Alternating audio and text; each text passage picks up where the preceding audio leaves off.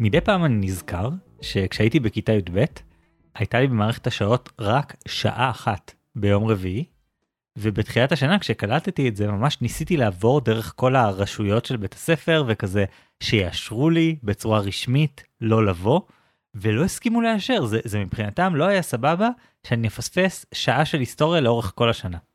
אתה יודע מה עשיתי בסוף? מה עשית בסוף? לא באתי אפילו פעם אחת ביום רביעי ולא קרה כלום. מה זאת אומרת? זה נרשם לך? זה אחרי זה מועבר? זה נשמר לך בתיק הקבוע לשארית חייך? מעסיקים ישאלו אותך על זה בגיל 30? לא? זה, זה לא עובד ככה? כך אה, חששתי, למשך הרבה שנים חיכיתי, איך שאומרים, for the other shoe to drop, שכאילו לראות את ההשלכות ארוכות הטווח של היותי כה פוחז ושובב או משהו כזה, וכלום, פשוט לא קרה כלום, והיה לי שנה שהייתה מאוד כיפית עם ימי רביעי חופשיים.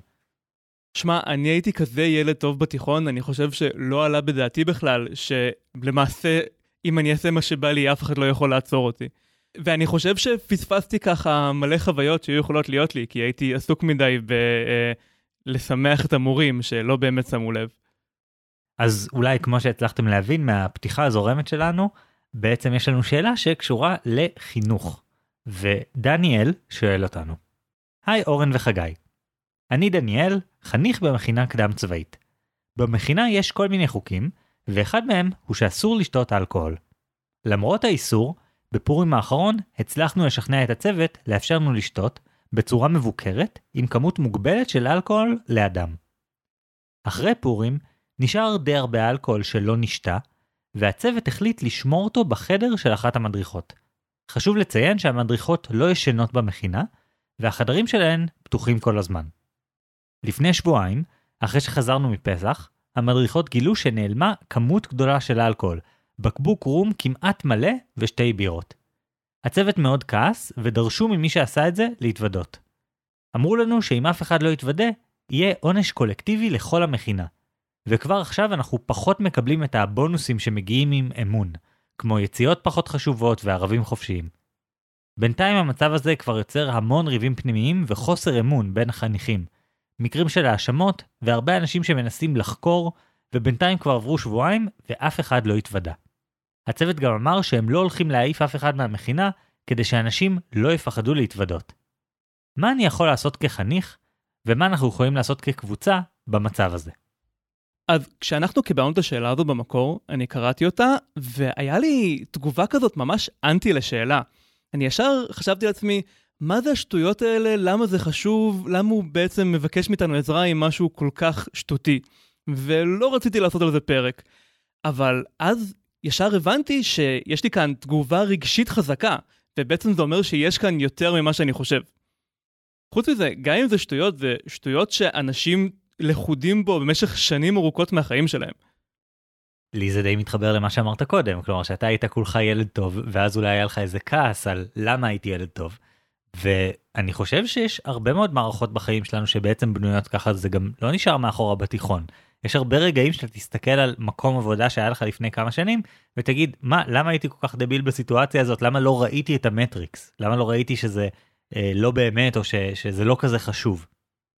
כן, וכשניסיתי להבין למה זה כל כך מפעיל אותי, אני, אני חושב שזה העלה בי זיכרונות של כל מיני גורמי סמכות שהיו לי בחיים, מורים ומדריכים, מפקדים בצבא, שאני הייתי ילד טוב, נתתי להם את כל הקרדיט שהם ביקשו, ולא רק שהם הפעילו את הכוח שהיה להם עליי בצורה דורסנית, הם גם עשו את זה כדי להגן על איזה כלל או עיקרון שהוא בעצם ממש ממש לא חשוב, כמו העניין הזה עם האלכוהול. כלומר, אנחנו מבינים שהם הכניסו כמות אלכוהול מבוקרת, לפי מה שדניאל אומר, והיו מאוד רחוקים אפילו מלסיים את הכמות הזו, ועכשיו הם שתו עוד ממנו, אבל לא מספיק כדי שהמדריכים ישימו לב שהם מתנהגים לא בסדר. זאת אומרת, אף אחד לא נפגע, לא קרה כלום. ובשם ההפרה הנוראית הזאת של הכלל, הם עכשיו uh, עושים את כל הדברים האלה של העונש הקולקטיבי והלחץ להתוודות. ובתור אדם צעיר, השרירותיות הזאת ממש שיגעה אותי והשאירה בי חותם. עכשיו, מבחינת מה לעשות, בואו נוריד משהו מהשולחן. נראה לי שאחד הכיוונים שברור שלא נלך אליהם, זה שאנחנו לא נציע לדניאל להשתנקר על מי שעשה את זה, גם אם הוא יצליח לגלות מי זה. זה פחות הסגנון שלנו. כן, כאילו מהשאלה הזו נשמע שדניאל רוצה שנעזור לו לפתור את תעלומת הרום השתוי. אבל זה בכלל לא העניין. אגב, אני בטוח שיש הרבה מאוד אנשים שיודעים מי עשה את זה. והם בוחרים לא לספר, והפער הזה בין החניכים למדריכים, זה העניין האמיתי כאן. צריך להבין אותו ולדעת איך להתנהל ולשרוד. בקיצור, למרות שזאת שאלה מאוד ספציפית, מהר מאוד הבנו שיש פה הרבה מה לעבוד מבחינת הכוח של מבנים חברתיים, של אחריות ושל סמכות וכל הדברים האלה, ו- ויש פה תובנות שאפשר להפיק גם עם השלב הזה של מכינות, בתי ספר, ווטאבר, הרבה מאחוריך. כן, כי יש יחסי כוח דומים גם בסיטואציות הרבה יותר חשובות. ולכן לדעתי, ענישה קולקטיבית על אלכוהול אחרי פורים זה כמו אסון צ'רנוביל.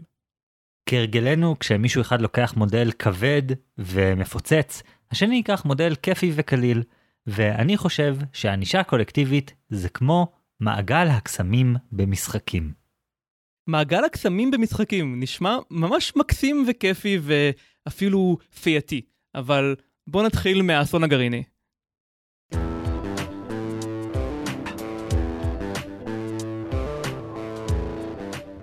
דניאל, כשאתה הגעת למכינה, אתה שמת את עצמך בידיים של המדריכים. כל עוד אתה בוחר להישאר שם, אתה נותן להם כוח עליך, ואתה סומך עליהם להשתמש בכוח הזה כדי לשמור עליך, וגם כדי לתת לך איזה משהו בעל ערך. אבל בסיפור שלך אפשר לראות שהמדריכים משתמשים בכוח הזה בצורה שנראית לגמרי שרירותית. כלומר, למה אלכוהול בפורים זה בסדר, אבל למחרת כבר לא? למה כולם צריכים לסבול בשביל המעשה שמישהו אחד או כמה אנשים עשו?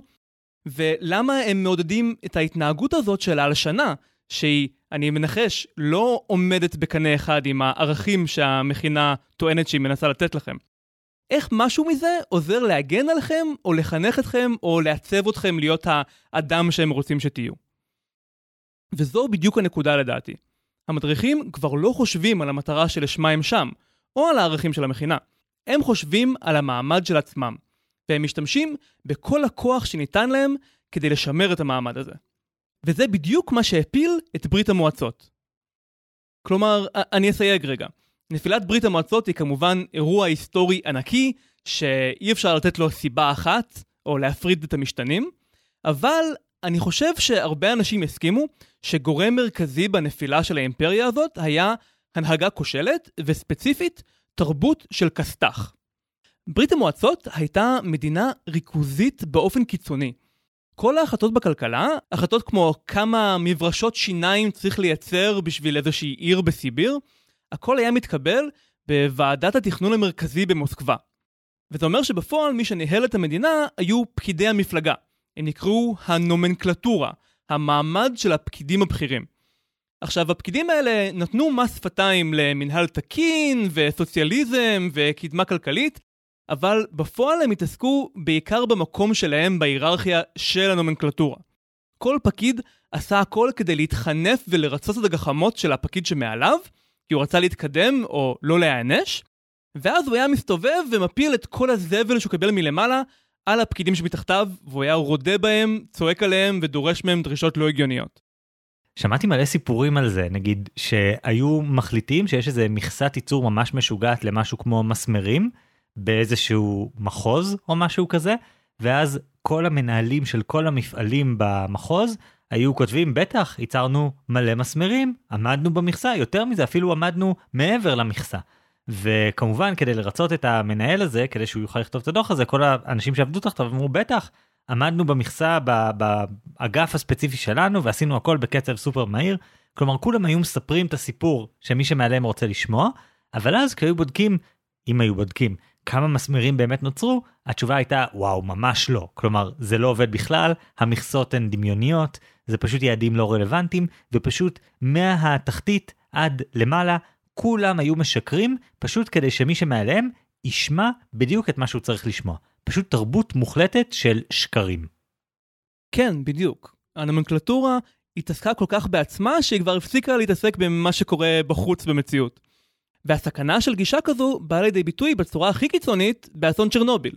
עכשיו, מי שלא מכיר, זה סיפור מרתק, שממש אין לי זמן לספר את כל הפרטים כאן. אני ממליץ ממש ממש בחום על הספר uh, Midnight in Chernobyl של אדם היגנבוטן, או אם אתם מעדיפים, יש מיני סדרה מופתית, גם בשם צ'רנוביל של HBO. שמספרים את הסיפור ממש מעולה ונכנסים הרבה יותר לעומק, וזה באמת שווה את הזמן שלכם. אבל בקצרה, צ'רנוביל הייתה תחנת כוח גרעינית באוקראינה, שהייתה אז חלק מברית המועצות, ובלילה שבין ה-25 ל-26 באפריל 1986, הם עשו ניסוי. הניסוי היה כדי לוודא שהכור מסוגל לעמוד במצב של אובדן כוח חיצוני. זאת אומרת, היה להם חיבור לחשמל החיצוני כדי להפעיל את מנגנוני הקירור שלהם, והם רצו לוודא שאם החיבור הזה מתנתק, אז הגנרטור חירום מופעל ושום דבר רע לא קורה. עכשיו, בגלל כל מיני שיבושים, יצא שהניסוי נדחה בכמה שעות, ובזמן הזה הכור פעל בהספק מאוד נמוך. וזו בעיה, כי זה אומר שהצטבר בתוך הכור חומר בשם קסנון, שבעצם משבש את הריאקציה הגרעינית והופך אותה לפחות צפויה. אבל המפעילים של הכור הרגישו שיש לחץ מאוד גדול לעמוד בלוח הזמנים, אז הם החליטו לא לחכות ולהמשיך בניסוי. אז הם מתחילים את הניסוי, הם ניתקו את הכוח החיצוני, גנרטור החירום פעל כצפוי והצליח להפעיל את מנגנון הקירור, אבל זה לוקח בערך דקה, ובזמן שהגנרטור עסוק בלעלות, הטמפרטורה בכור עלתה, וזה גרם לו לייצר יותר ויותר אנרגיה בצורה בלתי נשלטת. המפעילים הבינו שקורה כאן משהו ממש רע, והם לחצו על לחצן חירום שהיה להם, שאמור לכבות את הכור, פשוט שיפסיק לפעול. מה שהוא עושה, זה מכניס במהירות את כל מוטות הבקרה לתוך הכור. מה זה מוט בקרה? זה מוט שעשוי מחומר שסופג ניוטרונים, וזה אומר שהוא מחבל בריאקציה הגרעינית ומחליש את הכוח של הכור. וכאן קרה האסון, כי מה שהמפעילים לא ידעו, זה שהמוטות היו בנויים בצורה דפוקה. בקצה של כל מוט בקרה, במקום שהוא יהיה כולו עשוי מחומר סופג ניוטרונים, היה שפיץ שעשוי מחומר שדווקא מעודד את הריאקציה הגרעינית. וזה אומר שמיד אחרי הלחיצה על לחצן החירום, במקום להיכבות, הכור הפעיל את עצמו יותר, התחמם בטירוף, הפך את כל המים של הקירור לקיטור, והתפוצץ בפיצוץ ענקי. וזה עוד לא הכי נורא, מה שבאמת נורא זה שהפיצוץ חשף את הכור לאוויר, וחומר רדיואקטיבי התחיל להתפזר בכל האזור ולהרוג אנשים. ובסופו של דבר, עשרות אנשים מתו מנזקי קרינה, גם אנשים שעבדו בכור וגם כל מיני אנשים מסביב, וכבאים וכאלה. והקרינה שהתפזרה בשטח מאוד גדול, רוב בלרוס, חלק מאוקראינה, אה, גרמה לכך שהיה צריך לפנות 600 אלף איש מהבתים שלהם. ועד היום אסור להיכנס לשם, עד היום האזור מאוד מסוכן לכניסה, והקרינה תישאר שם מאות שנים כנראה. זה ממש הזוי, יש פה ממש כמה שלבים שונים של כשלים. אז קודם כל יש את העניין הזה של הלחץ על uh, לעשות את זה בזמן, ואני לא יודע את מי צריך להאשים פה, אולי את מי שהתעקש לעשות את הניסוי, אולי את מי שלחץ עליו שאי אפשר לדחות, אבל זה שפשוט התעקשו לעשות את זה למרות שזה רעיון רע, אז זאת בעיה אחת.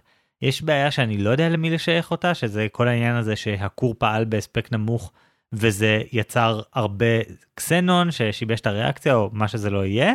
ויש את הבעיה הבאמת באמת מטומטמת של התכנון של אמות, שכאילו זה בעיה ארוכת שנים, זה משהו שהיה הרבה לפני האירוע בעצם, כלומר האשמה נמצאת הרבה לפני שהאירוע עצמו קרה, וכאילו אם לתרגם את זה למאזינים זה בעצם כאילו כדי שתצטרך ללחוץ על ברקס באוטו, קודם תצטרך לשים עוד קצת גז לפני שתוכל להגיע לברקס או איזה משהו כזה.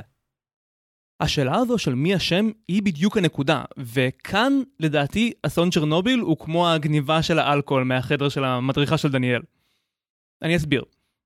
אפשר לענות על השאלה הזאת, מה גרם לאסון צ'רנוביל, בשתי דרכים. יש את התשובה הנוחה ויש את התשובה הנכונה. התשובה הנוחה היא שהמפעילים לא עמדו בנהלים, הרעילו את הכור עם הקסנון, התעקשו לעשות את הניסוי בעיתוי מאוד גרוע, ובעצם עד שהם לחצו על לחצן החירום, הכור היה כבר במצב כל כך לא בריא, שאין פלא שקרה משהו קיצוני. ואם זו התשובה, אז הפתרון הוא לפטר או להעמיד לדין את המפעילים עצמם, וזהו, סגרנו עניין. ובאמת, מיד אחרי האסון התחיל ניסיון חזק של הפקידות, של הנומנקלטורה, לקדם את התשובה הזאת, התשובה הנוחה. הקימו ועדת חקירה, והיושב ראש שלה במקרה גם היה בן אדם שהחזיק את הפטנט על העיצוב של הכור. אז היה לו מאוד חשוב שהאשמה תהיה של המפעילים. ומסביבו, כל המנגנון של הפקידות הסובייטית, הם היו בנויים בדיוק לזה. לשקר, להסתיר ולטייח כדי לשרת ולהגן על מי שלמעלה. אז באמת, אה, המפעילים של הכור, אלה ששרדו, נשלחו לכלא, והוועדה כתבה דוחות שבהם אפילו לא הזכירו ברמז את העניין הזה של עמותות או את הבעיות בעיצוב של הכור. וברוב המקרים שם זה היה נגמר, אבל הפעם האסון פשוט היה גדול מדי. העיניים של כל העולם היו עליהם. וזה הגיע עד למנהיג ברית המועצות, גורבצ'וב, שהוא בעצמו היה בן אדם שהאמין ביותר פתיחות, ושם הם uh, נאלצו לפתוח את זה מחדש ולקבל לא רק את התשובה הנוחה, אלא גם את התשובה הנכונה.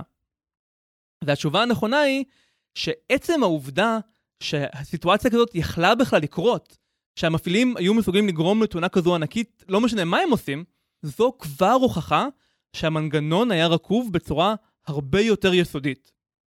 המנהלים, שהבטיחות הייתה אמורה להיות העדיפות העליונה שלהם, חשבו יותר על לוח הזמנים ואיך לא להיראות רע מול המנהלים שלהם. ומי שהיה אמור לעקוב אחרי בעיות בטיחות ולוודא שהמפעילים יודעים ממה להיזהר, היו במקום זה עסוקים בלשתוק ולהעלים ולהעמיד פנים שאין בכלל בעיות. הבעיה הזאת במטות הבקרה, היו המון אנשים בתוך ברית המועצות שידעו שזה שם. היו כבר תאונות שנגרמו בגלל זה, אבל המפעילים של הכור, האנשים שהכי בעולם חייבים לדעת שזה המצב, לא ידעו, כי כל המידע סומן כסודי ביותר והוסתר מכולם. וזו כמובן גם הסיבה שלמרות שעברו כמה שנים, אף אחד לא חשב לתקן את המוטות. אני מסוגל לראות פה שבעצם אתה אומר שהמדריכים זה כמו הנומנקלטורה, כלומר זה שרשרת הפיקוד אה, המשקרת והבעייתית של ברית המועצות. אה, אסון צ'רנוביל זה אסון גנבת הבקבוק רום, ודניאל והחברים שלו הם המפעילים של הכור, אבל אה, מה בעצם קרה פה? כלומר, מה, מה ההקבלה? הבעיה בצ'רנוביל התחילה מהיכולת לסמן מידע גרעיני כסודי ביותר. וזה כמובן התחיל מהשיקולים הכי נכונים, להגן על ביטחון המדינה ולמנוע ממחבלים מהמדינות הקפיטליסטיות אה, לגרום לאסון. אבל בידיים של הנומנקלטורה זה נהיה רק עוד כלי לשימור המעמד שלהם, ולכן במקום למנוע אסון, הסודיות גרמה לאסון. ואני חושב שאנחנו רואים אצל דניאל את אותה הדינמיקה בדיוק עם המדריכים במכינה. יש להם סט של כלים שהם משתמשים בו לא כדי לשרת את המטרה של המכינה או את האינטרסים של החניכים, אלא רק את ההיררכיה. זה הדליק לי נורא אדומה במיוחד כשדניאל הזכיר בשאלה שלו שבגלל הסיפור עם האלכוהול, המחזור שלו במכינה איבד את הבונוסים שמגיעים עם אמון, כמו ערבים חופשיים לצאת מהמכינה. עכשיו, למה זה בכלל דבר שקיים? אמון ברמה של כל המחזור. אני לא רואה איך זה יכול לשרת מטרה חינוכית, זה רק גורם לכך שכולם יישארו כלואים בתוך הבניין אם מישהו אחד עשה משהו לא בסדר. אם בכלל, זה דופק את החינוך בגלל שזה מונע מהם לצאת ולצבור חוויות משמעותיות שאפשר אחרי זה לדון בהם, אה, לשלב איזושהי אה, נקודה ערכית בחוויות שהיו להם.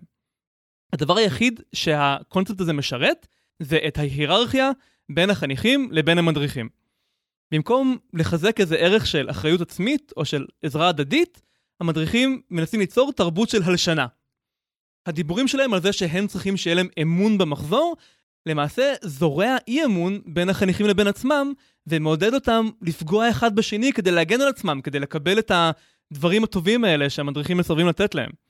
ואני בטוח שאלה לא הערכים שהמכינה התכוונה להקנות לחניכים.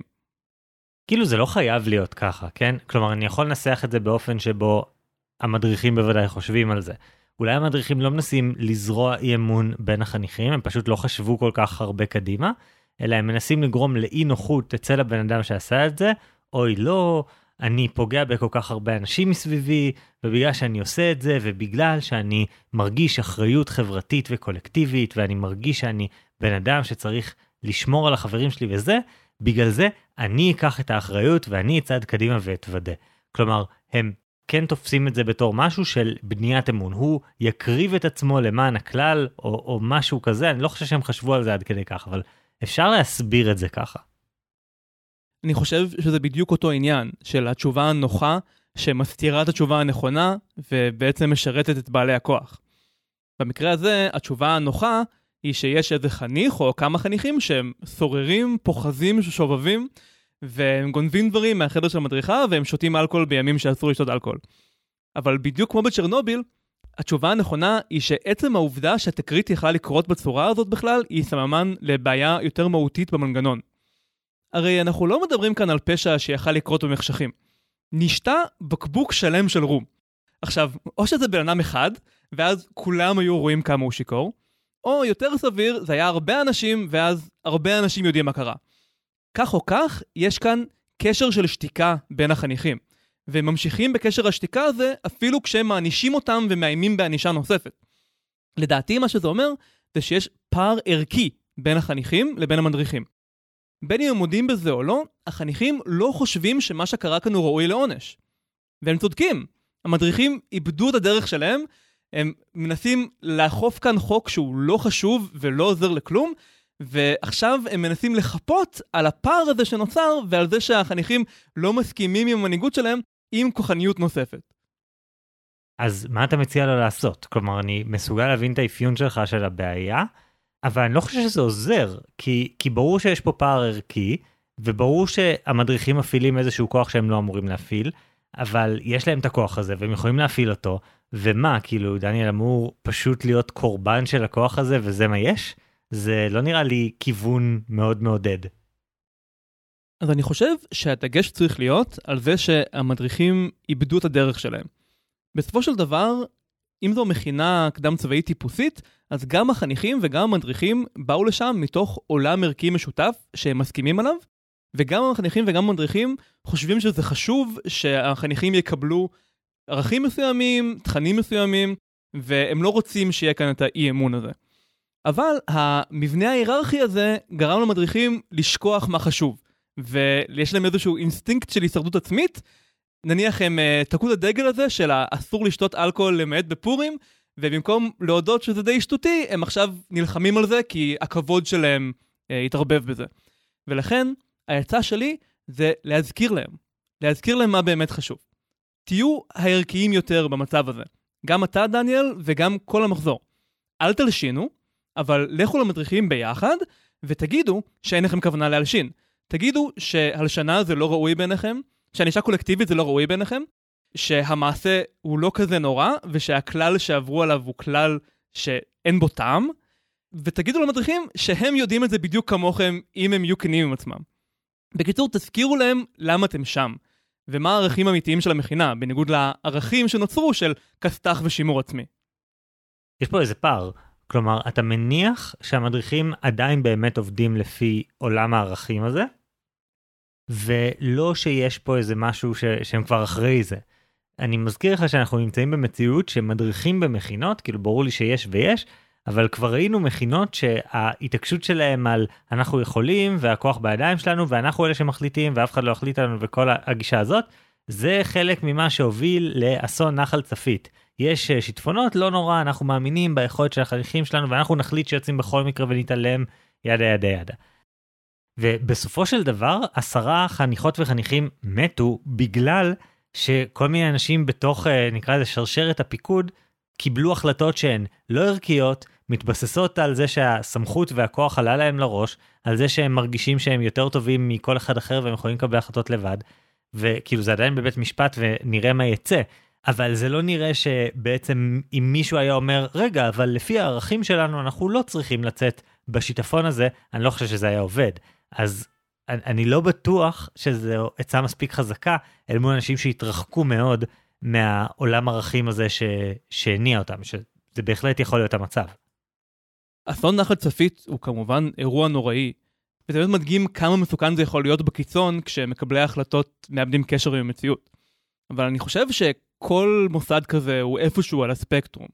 סך הכל המדריכים הם גם ילדים, הם בגיל ה-20 המוקדם כנראה, אני מנחש שלא היה להם לפני כן אף תפקיד סמכות, ויש איזו נטייה אנושית במצב הזה קצת להיכנס לסרט, קצת uh, לקחת דברים קשה מדי. ולפי מה שדניאל מספר, הם איפשהו על הסקאלה הזאת, אבל הרבה יותר מוקדם מאשר חיים ומוות. ונראה לי שאם המחזור של החניכים יבוא מאוחד, יש להם הזדמנות להוציא אותה מהסרט. נניח, מישהו אחד קם ואומר, אני שתיתי את הרום, ואז מישהו אחר קם ואומר, לא, אני שתיתי את הרום, או איזה משהו דרמטי כזה. כאילו, נראה לי עדיף ככה, כדי שזה לא יראה כאילו יש איזה מנהיג שמסית את כולם, כי אז זה חוזר יותר למקום ההיררכי הזה. אם הם מראים שהם כולם מסכימים, יש כאן איזה קונצנזוס קולקטיבי של המחזור, והם מוכנים לסכן את עצמם באיזושהי צורה סמלית כדי לעמוד על העניין הערכי הזה, אז ברוב המקרים, אני חושב שהמדריכים יגידו, אוקיי, לא נראה לי שכולם טועים ורק אנחנו צודקים, אלא אם המצב ממש קיצוני, נראה לי שבאמת יש כאן הזדמנות להוציא אותם מהבועה שלהם ולהחזיר אותם, להזכיר להם למה כולנו התכנסנו לכאן. אני חושב שאם ההנחת יסוד שלך נכונה, שבעצם יש שם עדיין גרעין מאוד חזק ו- ובאמת אפשר להדליק אותו מחדש של ערכים ושל באמת, אה, ah, טעינו בדרך, אנחנו נתקן, אז יש סיכוי. אבל אני חושב שנגעת פה על הדרך באיזה משהו יותר עמוק. וזה כל האמירות האלה על אה, חיים בסרט, על זה שזה מנותק מהמציאות, ובמילים שלי, שיש פה בעצם משחק. ואני חושב שבעצם חלק מהפתרון הוא באמת להזכיר לכולם שכן, מדובר במשחק.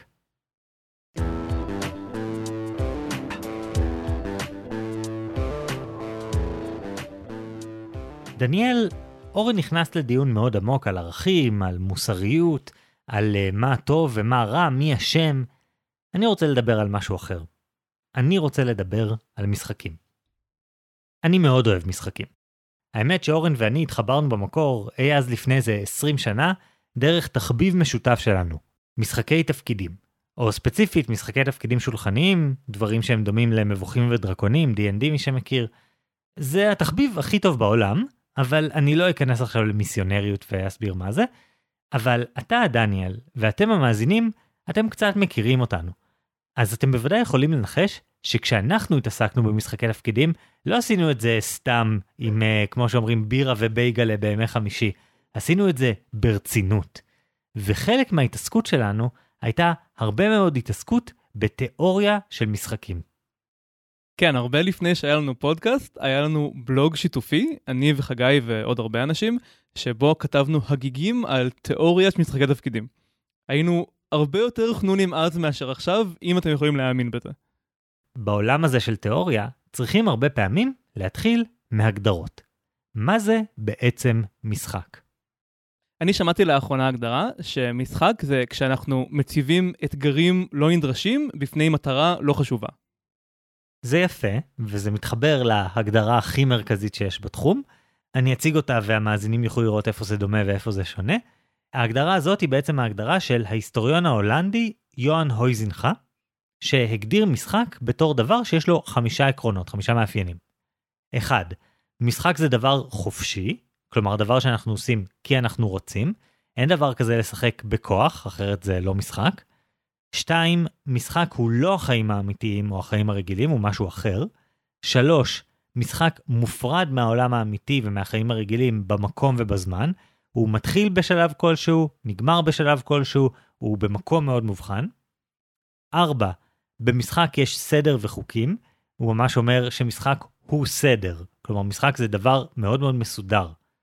וחמש, במשחק אין אינטרס חומרי ואי אפשר להרוויח מהמשחק. עכשיו, ברור לי שאפשר להתווכח על חלק מההגדרות האלה. יש משחקים שילדים קטנים משחקים שאין בהם סדר וחוקים והם כאוס מוחלט. יש משחקים שבהם אפשר להרוויח כסף, בוודאי היום, ואני לא חושב שזה פוסל את כולם באופן אוטומטי מהיותם משחק. ויש עוד הרבה נקודות לוויכוח. אבל בסך הכל אני חושב שההגדרה הזאת מגדירה די טוב מה זה משחק. טוב, אני אתפלסף פה עוד טיפה. בעברית יש רק את המילה האחת, משחק, גם בשביל הפועל, אני משחק, וגם בשביל השם עצם. באנגלית יש game ויש play. ואני חושב שאפשר לעשות כאן הפרדה, שאפשר לעשות play בלי חוקים, נניח כלבים שמשחקים בגינת כלבים, they're engaging in play, אבל זה לא game, כי אי אפשר לנצח ואין כללים. ולעומת זאת, אם אנחנו מדברים על משחק כמו משחקי הכס, שבו מנסים להיות המלך, אז אה, יש בזה חוקים ויש מטרה, אבל אין, אין בזה play, כי אין בזה את החדוות חיים ואין בזה את עניין הוולונטרי, אנחנו עושים את זה כדי לשרוד. אז אפשר, אפשר להיכנס כאן עוד הרבה, אבל אה, נראה לי שאנחנו טיפה חורגים מהשאלה של דניאל. כן, גם יוהאן הויזינחה באמת דיבר על פליי, אבל הרבה מהדברים יותר רלוונטיים לגיימס, אבל כן, לא ניכנס לזה. בכל מקרה, ההגדרה הזאת, מה שאני אוהב בה, זה שאם תחשבו על זה, היא די מסבירה די טוב מה זו מכינה. דניאל הלך לשם מרצונו החופשי, מדובר על הפוגה מהחיים האמיתיים, יש ממש סטמפה על זה, נכון? מקבלים דחיית שירות ששמה את החיים הרגילים, את השירות הצבאי על פאוז בשביל השנה של המכינה. זה מקום שמופרד מהעולם הרגיל במקום ובזמן, אתה הולך למקום מרוחק למשך שנה, יש שם סדר וחוקים מיוחדים שלא תקפים בחוץ, ואפשר להגיד די בביטחון, אף אחד לא מרוויח מהמכינה. אני אסביר עוד מעט איך זה פותר לדניאל את הבעיה, אז נחזור לחלק הזה. בכל מקרה, בתוך הספר שלו על משחקים, הויזינחה השתמש כמה פעמים במושג שנקרא מעגל קסמים. היום המושג הזה נחשב לסופר מרכזי בתחום המשחקים, למרות שהויזינחה תכלס גם לא הגדיר אותו וגם לא השתמש בו באותה משמעות שאחר כך משתמשים בה, אבל בתחילת שנות האלפיים, שלושה מעצבי משחקים, אריק זימרמן, קייטי סיילן ופרנק לנץ, התחילו להשתמש במושג הזה כמושג תשתיתי בתחום המשחק, שקשה לנהל דיון תאורטי על משחקים בלי לעבור דרכו. אז מה זה מעגל הקסמים? זה בעצם מרחב שבו החוקים הרגילים של המציאות לא פועלים, ובמקום החוקים הרגילים של המציאות, יש מציאות מלאכותית של משחק. או בניסוח של ידיד הפודקאסט מיכאל גורודין, שני אנשים שנותנים זה לזה מכות רצח זה לא משהו מקובל, אלא אם הם נמצאים בתוך זירת אגרוף במהלך תחרות אגרוף. או להטלת קובייה אין משמעות מיוחדת בדרך כלל, אבל אם אני עושה את זה ביום חמישי בין תשע לחצות, במקום שבו אנחנו משחקים מבוכים ודרקונים, קבוצה שלמה של אנשים תרקון במתח עצום לראות מה יצא. בקיצור, כשאנחנו משחקים משחק, אנחנו בעצם פוסעים אל תוך מעגל הקסמים הזה, והחוקים של ההתנהגות שלנו והמשמעות של ההתנהגות שלנו, הדברים האלה משתנים לגמרי.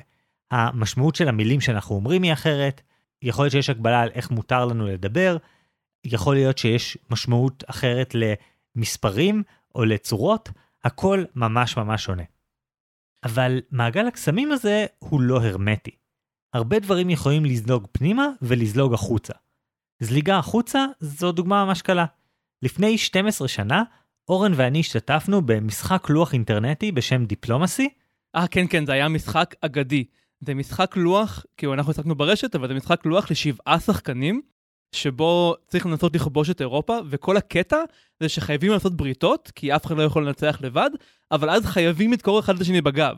אז כל המשחק זה לראות את הרגע המושלם, כשבן אדם התחיל לסמוך עליך, לדפוק אותו, לסובב את הספינות שיפלשו לטריטוריה שלו במקום לגבות את התנועה שלו.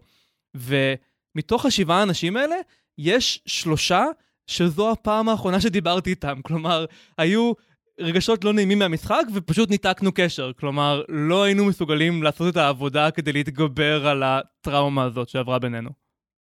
תראה, יש אנשים שחזרנו לדבר איתם, אבל גם זה לקח זמן. זה היה ממש פיצוץ, וזה נראה לי עשה פוסט טראומה לרוב המעורבים. אבל הנקודה היא שמה שהיה במשחק ממש לא נשאר במשחק, הוא זלג החוצה והשפיע על החיים האמיתיים. וכמובן, בגלל זה אנחנו לא משחקים יותר משחקים כאלה, או רק בהקשרים מאוד מאוד uh, מוגנים, בטח לא באינטרנט לאורך כמה חודשים. כמובן שיכולה להיות גם השפעה לכיוון ההפוך, זליגה של המציאות אל תוך המשחק שפוגעת במשחק עצמו. אז בואו נדמיין שרבתי עם איזשהו חבר, ואז שנינו יושבים לשחק משחק לוח, נגיד סטלרזוב קטן, יחד עם אורן, סבבה? אבל אני ממש כועס על החבר ההוא, ובמקום לנסות לנצח במשחק, אני רק רוצה לדפוק אותו. אני עושה את כל הפעולות שלי לא מתוך מחשבה על איך אני אנצח, אלא אני עושה פעולות גרועות עבורי, רק כדי לדפוק את החבר הזה. ומה יקרה למשחק אחרי דבר כזה? הוא יפסיק להיות כיף, הוא יפסיק לתפקד במטרה העיקרית שלו. אני לא אהנה, כי אני אהיה עסוק בזעם שלי, החבר שאני כועס עליו לא ייהנה, כי הוא לא יוכל לשחק במשחק ואני אהרוס לו כל דבר שהוא ינסה לעשות, ואורן בתור המשתתף השלישי גם לא ייהנה, כי הוא ינצח ניצחון מאוד חלול. הוא יבין שהוא מנצח לא בגלל שהוא טוב במשחק או עשה החלטות נכונות, אלא סתם בגלל שאני כועס על הבן אדם השלישי. בעצם, כשיש לנו זליגה החוצה מהמשחק, מה שקורה זה שהמשחק כבר לא מתפקד כמשחק, הוא הופך להיות פעולה שמשפיעה על החיים. אבל כשיש לנו זליגה פנימה אל תוך המשחק, מה שאנחנו מגלים זה שהסיבה שהמשחק לא מתפקד כמשחק היא שהמציאות נעשתה חזקה יותר מהמשחק, והזכירה לנו שזה רק משחק והפרה את זה לחלוטין. אני ממש אוהב את ההגדרה הזו של מעגל הקסמים, ספציפית ביחס לזליגה פנימה, כי מה שקורה בעצם זה שנכנסים לתוך מעגל הקסמים, אז פתאום כל מה שחשוב בחוץ נהיה לא חשוב, בכלל לא חושבים עליו, ומה שקודם היה חסר משמעות לחלוטין, כמו לשים כדור בתוך רשת מסוימת, פתאום הופך לכל החיים. וזה בדיוק הקסם של המשחק. אנחנו חיים בעולם שבו אנחנו מבינים בדיוק מה קורה, ויש מטרה אחת שאנחנו יודעים שאפשר להשיג אותה, וכולנו ביחד באותה מטרה. אני מתיישב עם כמה אנשים למשחק וידאו, מריו קארט, ופתאום כל מה שחשוב זה להיות הראשון שעובר את קו הסיום. וזה הקלה, כי בחיים הרגילים יש לנו כל מיני דאגות, ולגבי חלקם אין לנו שום דבר לעשות, ובתוך מעגל הקסמים הכל פשוט יותר, ואנחנו יודעים בדיוק איך צריך להתנהג. אבל זה באמת נשבר ממש בקלות. אם אני משחק מריו קארט נגד האח הקטן שלי, והוא מתחיל לבכות, אז זהו, באותה שנייה הכל מתפוגג. המטרה של קו הסיום היא כבר לא מטרה, והדאגות של העולם החיצוני נכנסים בבת אחת, זה כאילו פתחנו את הבועה, והכל זורם פנימה בשטף גדול, ומעיף את כל העולם הדמיוני הזה שיצרנו, כאילו שזה היה קורי עכביש. וכאן אני רוצה לחזור לדניאל. דניאל, אני יודע שכרגע המכינה נראית לך כמו כל עולמך. זה ממש הגיוני. זה מה שקורה לכל אחד כשהוא נמצא בתוך מסגרת כזו. אמנם אה, אני שומע כל מיני סיפורים על מעין אה, כוח על כזה, שמאפשר לאנשים בסיטואציות כאלה, נגיד בעבודה, להשאיר את הדאגות של העבודה בעבודה, ואת הדאגות של הבית בבית, ולהפריד, ולא לתת לעבודה להשפיע על מצב הרוח שלך כשאתה יוצא מהמשרד, אבל אני לא מכיר אף אחד שיש לו את הכוח על הזה. ועדיין, חשוב לי להגיד את זה. כל החוקים וההתנהלות של המכינה, כולם מתנהלים בתוך מעגל קסמים. זו מערכת חוקים משל עצמה, היא מופרדת מהעולם, והנקודה הקריטית, כמו שאורן אמר עכשיו, כשיש מעגל קסמים כזה, מאוד קל לפגוע במה שקורה בתוכו, אם מפנים את תשומת הלב אל מעגל הקסמים עצמו, אל זה שמדובר במשחק. אני אתן לך שתי עצות, אחת קלה יותר ואחת יותר אה, אגרסיבית. הדוגמה הקלה היא משהו כזה. תדמיין שאתה וחבריך למכינה מתנהלים כרגיל. פשוט תמשיכו להתנהל כאילו העונשים לא חלים עליכם. אם אחד מכם יעשה את זה, יכול להיות שיענישו אותו באופן מיוחד, במקרה הקיצוני זה יכול להוביל להעפה מהמכינה, אבל בטח אם כולכם תתנהגו ככה ביחד, לא יעשו שום דבר משמעותי לכולכם. הרי זה לא צבא שמחזיק אתכם שם גם אם אתם לא רוצים ויכול להכניס אתכם לכלא. זו מכינה. אתם שם כי אתם רוצים. ואם בזמן שאתם בערב חופשי והמדריכים באים לנזוף בכם, אתם אומרים להם, אה, אתם עדיין עם הקטע הזה עם האלכוהול? טוב, טוב, שחררו. וממשיכים כרגיל? אין להם כוח עליכם. העונש שלהם תלוי בהסכמה שלכם. הם לא יכולים לנעול אתכם בחדרים, הם לא יכולים למנוע מכם לעלות על אוטובוס, הם לא יכולים לעשות את הדברים האלה. ואם כולכם תגידו, זה לא צודק, אני מתעלם, מה הם יעשו כבר? אבל יש גם הצעה יותר אגרסיבית.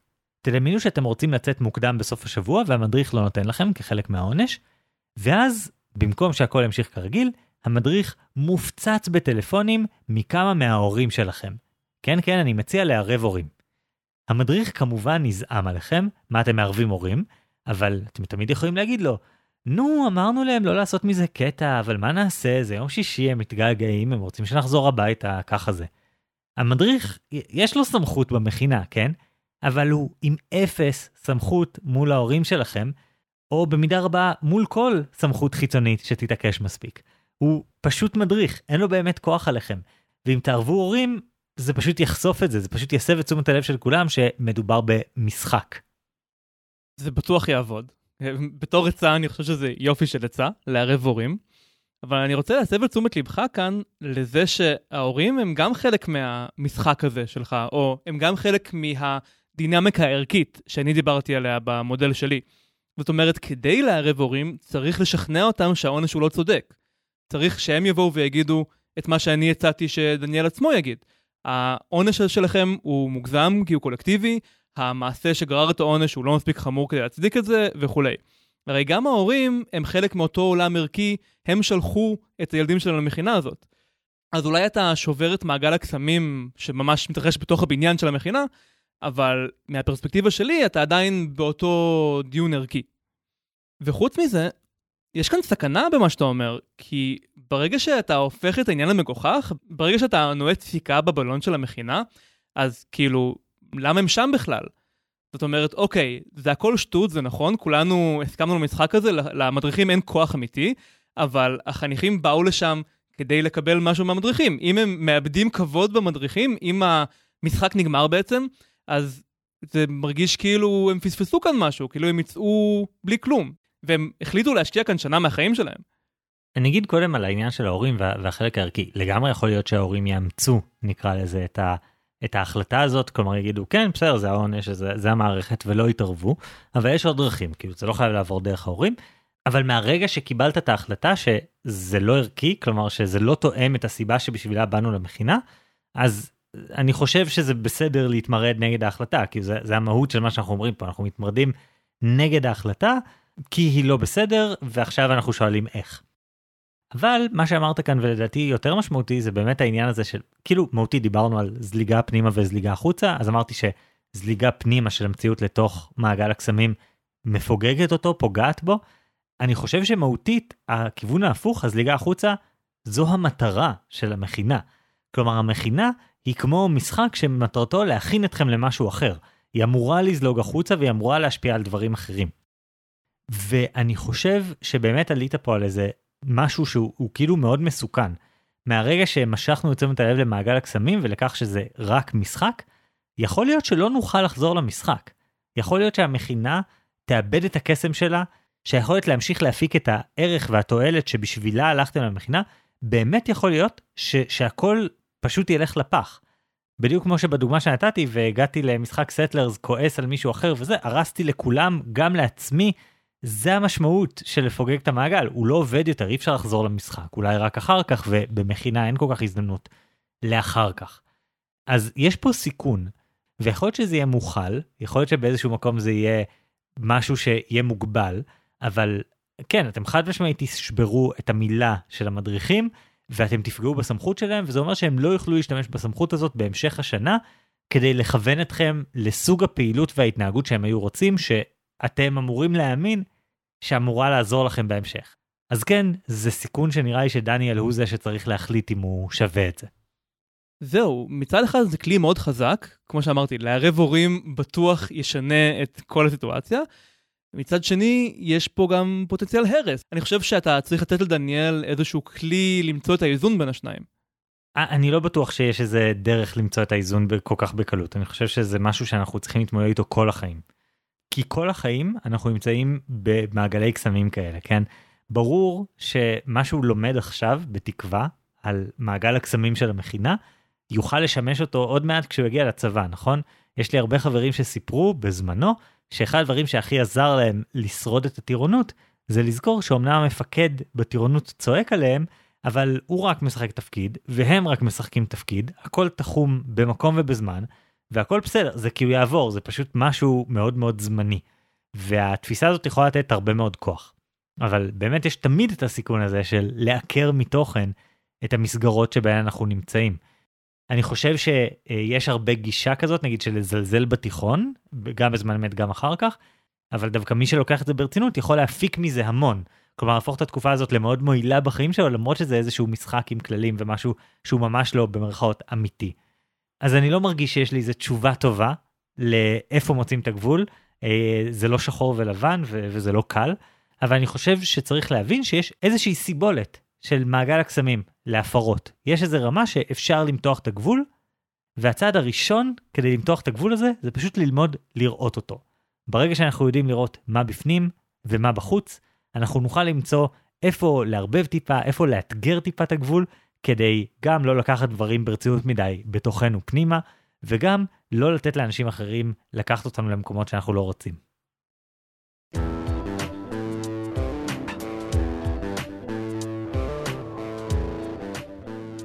חגי, אני חושב שהבאת כאן את אחד המודלים החזקים והגמישים שהיה לנו כבר הרבה זמן.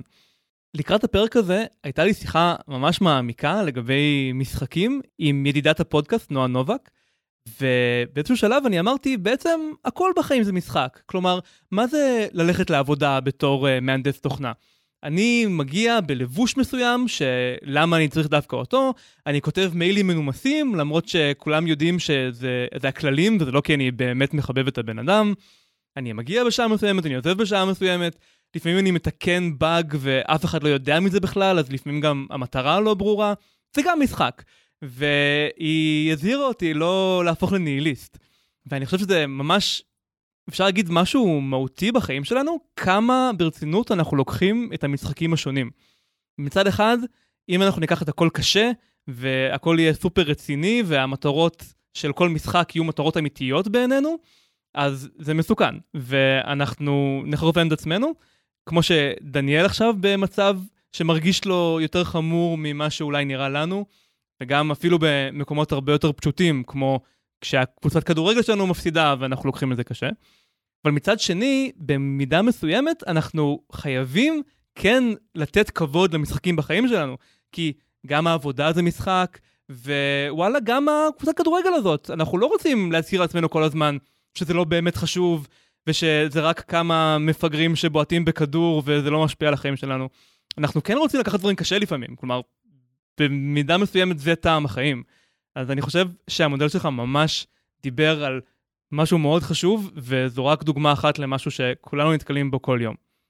אבל אני חושב שאולי ספציפית במקרה של דניאל, זה בדיוק הזמן שבו עדיף ללכת לכיוון הזה של לקחת דברים קשה. בדיוק בגיל הזה של המכינה, שהוא בתוך איזושהי מסגרת שבו מה תכלס קורה. איזשהו ילד בן 22 אה, מנסה לספר לו איך לחיות את החיים שלו, לילד הזה אין מושג, ולדניאל אין מושג אם הוא צודק, וזה הכל שטותי במובן מסוים, אז זה דווקא הזמן שבו הכי כדאי לקחת דברים ברצינות ולהפיק את מה שאפשר. כאילו, זו סיטואציה שלא תספוג הרבה הטלת ספק. אז כאן נראה לי הבעיה במודל שלך. כהכנה לפרק הזה דיברתי הרבה עם אה, יובל אשתי שגם הייתה במכינה וגם מכירה מאוד טוב את, ה, את העולם הזה. ומה שמאוד התחבר לה במודל שלך זה, זה בעצם כמה הוא מתאר בצורה די טובה את האופן שבו יש נתק בין הערכיות של מכינות ו- ודברים כאלה, אה, לבין איך שזה הופך להיות ממש power trip של מדריכים. כלומר, היא שמעה את השאלה של דניאל ואמרה, מה זה הדבר הזה? אני כל כך זועמת על המדריכים האלה, ברור לי שהם באיזה power trip דבילי, ברור שאין פה שום דבר רע שקרה, כנראה שמי שלקח את האלכוהול אפילו לא הבין שמה שהוא עושה הוא לא כל כך בסדר, כאילו, מה נסגר? איזה מעצבן זה. והמודל שלך בעצם מבטא את זה מאוד טוב. כלומר, את העניין הזה של אה, כמה רחוק אפשר להגיע עם זה שאתה משתמש בכל מיני כלים כדי לייצר איזושהי מטרה. אה, בצ'רנוביל שקרים כדי לייצר נקרא לזה ביטחון או לקדם את הערכים המרקסיסטיים ופה אה, סמכות שרירותית של מדריכים כדי לייצר איזשהו אה, חינוך ואיזשהו עיצוב של האנשים. אז זה מאוד מאוד נכון. הפער שאני רואה הוא בעיקר בעצה. כי העצה שאתה נותן מאוד תלויה באיזה סוג מדריך יש בצד השני. יש מדריך שכשיעשו לו את הקטע הזה של אה, אני ספרטקוס, שכל אחד מתוודה שהוא זה שבעצם גנב, יבין את הטעות שלו וייסוג אחורה. אבל uh, יש מדריכים שלא משנה כמה תנסה, ימשיכו לטפס יותר ויותר גבוה על העץ, ושום דבר לא יוריד אותם עד שהמכינה תיגמר, ולגמרי אפשר לבלות עכשיו את השלושה חודשים שנותרו בכסח מטורף, שבו אף אחד לא מסכים להתפשר. וזה הסיכון בלנסות את, ה, את הגישה הזאת. אז אני חושב שזה משהו שחשוב לזכור לגבי כל בן אדם בעמדת כוח, אבל צריך להבין מתי העצה שלך באמת תעבוד ומתי לא. טוב, אנחנו מפרגנים הרבה אחד לשני הפעם, אבל בסופו של דבר רק אחד מאיתנו יכול לנצח בסקר, ואת זה אתם המאזינים תקבעו. כן, עוד יומיים נעלה לקבוצת הוואטסאפ שלנו ולעמוד הפייסבוק שלנו, סקר שבו תוכלו להכריע המודל של מי היה יותר מדויק. האם זה אורן וצ'רנוביל? או חגי ומשחקים. כרגיל אנחנו מזכירים לכם לעשות לייק לעמוד הפייסבוק שלנו, או יותר חשוב להצטרף לקבוצת הוואטסאפ שלנו שבה יש מלא דיונים מעניינים. כמובן להמליץ על הפודקאסט לחברים וקרובי משפחה שעשויים להתעניין. והכי הכי חשוב, לשלוח לנו שאלות. שאלות כאלה עסיסיות ומורכבות, כמו שדניאל שלח. כן, אני חושב שמה שכיף בשאלות כאלה זה שהן ממש מפתיעות אותנו בכזה רגע, אבל איך אנחנו אמורים לענות לזה, ואז אנחנו מוצאים איזה זווית שאפילו אנחנו לא חשבנו שהיא אפשרית. בכל מקרה, תודה רבה על ההאזנה, אני חגי אלקיים שלם. אני אורן ברנשטיין. ונתראה בפעם הבאה עם השוואות חדשות.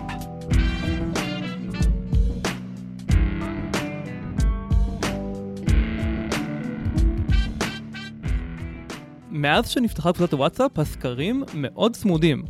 הפעם יש לנו 56-44. כן, רק 44% מכם הסכימו איתי שכשרוצים לשכנע ילד לאכול אוכל שהוא לא רוצה לאכול, צריך להשתמש בשיטות של הטיית סקרים. להציג את הבחירה באופן מוטה שיוביל לתוצאה הרצויה. כן, ו-56% מכם הסכימו שכמו טירה ימי ביניימית שבו יש את המגדל ואת הכיכר מסביב, צריך לדעת לתת לילד את מה שליבתי וחשוב, ומה שמסביב שבשאיפה ילך ויגדל. מה שכיף מאז שעברנו על וואטסאפ זה בעצם כמות התגובות ואשכרה דיונים, כמו שציפינו באמת וואטסאפ זה פלטפורמה שאנשים משתמשים בה ופייסבוק כבר פחות, והיו דיונים מטורפים, ואני לא חושב שאנחנו אפילו יכולים לתת לכם טעימה מחלק ממה שהיה שם, נגיד אה, סוגיה אה, שבאמת היה עליה דיון ארוך על בררנות ומרקמים. כלומר על זה שבעצם החוסר רצון של ילדים לאכול נובע מזה שמרקמים זה דבר מאוד מוזר וצריך לתת להם זמן. ו... כן, ואנשים התחילו לפרק מאכלים נפוצים ולתאר בפירוט את כל המרקמים שיש בכל אחד מהם, וזה גרם לי להרגיש מאוד מוזר. אבל כדי שלא יהיה לנו פה פרק באורך של אה, מספר שעות, אז אה, בחרנו כמה תגובות עיקריות שנותנות אה, פרספקטיבות חדשות ככל הניתן על הסוגיה הזאת. טוב, אז נתחיל ממה שכתב לנו אסף. אסף כותב, רעיון אחד שחגי הציג, שהיה ממש מעניין ומהפכני בעיניי, הוא הרעיון שאין לנו דעות מגובשות, אלא אנחנו מפתחים אותן בהינתן קונטקסט. זה יכול להסביר משהו מאוד מהותי על איך נבנית הדעה של הילד. לילד אין באמת דעה נגד אכילת ירקות, אבל יש כאן קונטקסט והוא שההורים מנסים לשכנע אותו לאכול ירקות. האנטי האמיתי פה הוא למרות של ההורים. ולכן אולי, במקום לנסות לעבוד על הילד, הייתי הולך לכיוון אחר לגמרי. להפסיק לנסות. לזמן מה? עד שיעבור זעם, עד שההתעקשות תשכח. ואז אחרי, אחרי זמן מה הייתי מנסה שוב אולי עם ירקות אחרים או בתצורה אחרת, משהו שהילד לא ישר יזהה בתור מה שכבר ניסו לדחוף לו. זו דרך ממש מעניינת להשתמש במודל שלי. כלומר מה שאסף למד מהמודל שלי זה את האמירה הזאת של אנשים מפתחים עמדה כששואלים אותם שוב ושוב אז אתה יכול לשאול בניסוח אחר ואתה יכול לחכות ואתה יכול לא לייצר את התחושה שמה שאתה מנסה להוציא ממנו זה כניעה. זאת ממש ממש זווית יפה. כן, אני חושב שזה גם מתחבר למודל שלי, שבו אמרתי, שים את האוכל לידו, ואז הדרך שלו להביע עצמאות זה דווקא לאכול משהו חדש, בניגוד למסגור השני, שבו הדרך שלו להביע עצמאות זה לסרב להורים. התגובה הבאה של כרמל. הצבעתי לחגי כי המודל שלו חזק יותר, אבל שני המודלים לדעתי לא הכי אפקטיביים. לא שאני מכירה ילדים יותר מכם, אבל יש לי חברה שהגיעה להישגים עם הבן שלה לפי מודל שאקרא לו מודל גראוצ'ו מרקס. שמי שלא יודע אמר שהוא לא רוצה להשתייך למועדון שמוכן לקבל אותו. היא ניצלה את הרצון של הילד להראות שהוא כבר גדול ויכול לאכול דברים של מבוגרים, בכך שהיא הייתה אוכלת בעצמה את מה שמזין, ואומרת לו שהוא קטן מדי בשביל האוכל הטעים, שזה למבוגרים, ושכשהוא יגדל ויוכל להעריך את זה הוא יקבל גם. כמובן שהילד מיד רצה גם את האוכל הזה. אני רוצה להעיר שזה לא בדיוק מודל גרוצ'ו מרקס, אלא מודל תום סויר. תום סויר מהספר של מרק טוויין היה צריך לצבוע גדר בלבן, אז uh, הוא ממש לא רצה, אז הוא התחיל uh, לסייד ולהגיד וואי איזה כיף לי לצבוע את הגדר, ואז כשאנשים באו, כי הם שמעו אותו, אז הוא אמר לא, לכם אסור, רק לי מותר, ובסוף הוא גבה מהם כסף כדי שהם יעשו את העבודה במקומו. אני רוצה להצביע על זה שגם התגובה של כרמל וגם התגובה של אסף שתיהן בעצם מתייחסות למשהו שנקרא Reactance. Reactance זה פשוט זה שאנחנו לא רוצים לעשות דברים כשאנחנו מרגישים שמכריחים אותנו. אנחנו רוצים להרגיש שאנחנו אלה שמחליטים. ובמידה רבה יש פה איזה עניין של לעשות דווקא אפשר לחשוב על זה, אבל גם הרצון להרגיש שאני המחולל של פעולותיי, שזה בעצם מה שאנחנו רואים אצל הילד. אז רק שימו לב למכנה המשותף הזה. כן, ויש לנו גם את הדעה הנגדית מנוי, כשמדובר בילדים בני שנתיים, חייבים להבין משהו חשוב. אין פרטנר. משא ומתן אפשר לעשות עם אנשים רציונליים. ילדים בני שנתיים פשוט לא שם. בגיל הזה, כל ילד מפתח בררנות כזו או אחרת. זה תקין. כשהילד יתבגר מעט, גיל 4-5 כזה, אז כבר אפשר לדבר איתו ולהסביר לו דברים כמו תאכל תרד, תהיה חזק כמו פופאי. ובהמשך היא גם נתנה כמה עצות שמתחברות למה שכבר אה, הקראנו, היא אמרה uh, שכדאי לתת דוגמה אישית, כלומר לאכול דברים מגוונים ביחד עם הילד, וגם היא הציעה לשאול את הילד מדי פעם אם הוא רוצה לנסות גזר למשל, אבל לעשות את זה במידה. שזה, לי זה נשמע מאוד דומה לעצת uh, motte ו bailey שאני נתתי. אני חושב שבכמה מהתגובות האלה בעצם ראינו את הפער של היכרות עם הגילאים, כלומר האמירה הזאת של זה פשוט הגיל של הבררנות, הכל בסדר. אז נראה לי שדורון שאל את זה בתור אה, אבא טרי לגיל הזה, שזה חדש לו הגיל הזה, ולפעמים פשוט אפשר להגיד כן זה לא בעיה, שאלת, נקרא את זה ככה, שאלת מוקדם מדי. אז uh, זה ממש טוב להגיד גם כן יש פה איזה עניין בצד השני, אין פרטנר. נעבור לתגובה הבאה של יונתן. מניסיוני כאבא לילדה בת שנה ועשרה חודשים אגיד ששתי השיטות מאוד אפקטיביות, אם כי השיטה של חגי דורשת יותר מיומנות, ואשתי מיומנת יותר ממני. בנוגע לאוכל אני יותר מתחבר לאסטרטגיה של אורן. השיטה של חגי יכולה לעזור לנהל את הקרב בביילי לפני שנסוגים למוטה. אבל בגיל של הילדה שלי, השיטה הכי אפקטיבית היא לאכול בעצמי את מה שאני רוצה שהיא תאכל. וואי, שנה ועשרה חודשים נשמע לי מה זה מוקדם. כלומר, אני לא מאופס על גילאים, אבל אני מופתע שבגיל הזה הילדה שמה לב שהאוכל של אבא והאוכל של אבא אותו אוכל. זה נשמע לי כמו דקות שעדיין לא מגיעים אליה, אבל זה רק מראה מה אני יודע. כן, כן, שנה ועשר זה מאוד אפוי יחסית לה, לאתגר הזה, אז כאילו, כן, אתה מפספס. תפגוש יותר ילדים בשנה ועשר, עוד uh, כמה חודשים יהיו לך שניים כאלה בסביבה. טוב, תגובה אחרונה להפעם, שאנחנו רוצים להקריא, כי ענבל סיפקה לנו מודל חלופי, ואת זה אנחנו מאוד אוהבים. מודל חלופי, פוליטיקאי מושחת, שוחד, מרמה והפרת אמונים. שוחד, אם לא תאכל את הירקות, לא תקבל קינוח. מרמה, להחביא את כל הירקות שהוא לא מוכן לאכול בתוך מאכל שהוא כן אוכל. נגיד, להחביא קישואים במאפינס גבינה. והפרת אמונים, והיא מתארת כאן סצנה שבו היא אומרת לילד, המרק הכתום טעים כל כך בגלל מרכיב סודי. כשילד שואל מה, היא אומרת, דלעת. לא שיערת שיש שם דלעת, נכון? האם עכשיו אתה מוכן לתת צ'אנס ולטעום דלעת? באינטואיציה שלי זה משהו שעובד מאוד טוב בגילאים יחסית מוקדמים, לפני שהילד יכול להרגיש בגידה. כלומר, לפני שהוא לוקח את הדבר הזה ומפתח חוסר אמון מוחלט. אני יודע שבגילאים יותר מתקדמים, אם היו עושים לי דבר כזה, אני הייתי מתחרפן. כלומר, מה זה בגילאים יותר כאילו לא לא בתור ילד בגיל 17 אם היו מנסים לעשות לי דבר כזה הייתי כזה שמתם פה חציל זה היה לפני שאהבתי חצילים וזה היה כאילו יוצר ריב עצום. כן, תשמע, בגיל 17 גם אם היו אומרים לך שיש איש קסום שמביא לך מתנות, אז uh, זה היה מעצבן אותך, אבל הרבה ילדים בגיל שנתיים-שלוש מאוד אוהבים את זה, והם גם לא כועסים כשהם מגלים את האמת, אז יש כאן איזה עניין. כן, הנקודה היא שאני ממש אהבתי את הדבר הזה, כלומר, גם השוחד מרמה והפרת אמונים, גם מהעולם הפוליטי, אבל גם יש פה איזה ניואנס קטן, שים לב שמה שבעצם היא עושה, כאילו, במרמה היא פשוט לא אומרת לו שיש את האוכל בפנים, ובהפרת אמונים היא אומרת, כבר אכלת את הדבר, ולכן מכיוון שכבר אכלת, ברור שאתה יכול לאכול שוב, נכון? הכל בסדר. ואני מאוד אוהב את התרגיל הזה. טוב, אז זהו להפעם. שוב, ממליצים בחום להצטרף לקבוצת הוואטסאפ שלנו, שיש שם אחרי כל פרק, וגם בכללי, דיונים ממש כיפים. ונראה לי נמשיך מכאן למה קראנו. אז אני קראתי לפרק את המאמר של יוהאן הויזנחה, שאני לא בטוח שיש לי מה להמליץ עליו, כאילו נשים קישור בהערות הפרק, אבל הוא קצת כבד, ואני לא בטוח שיהיה מאוד קל לקרוא אותו.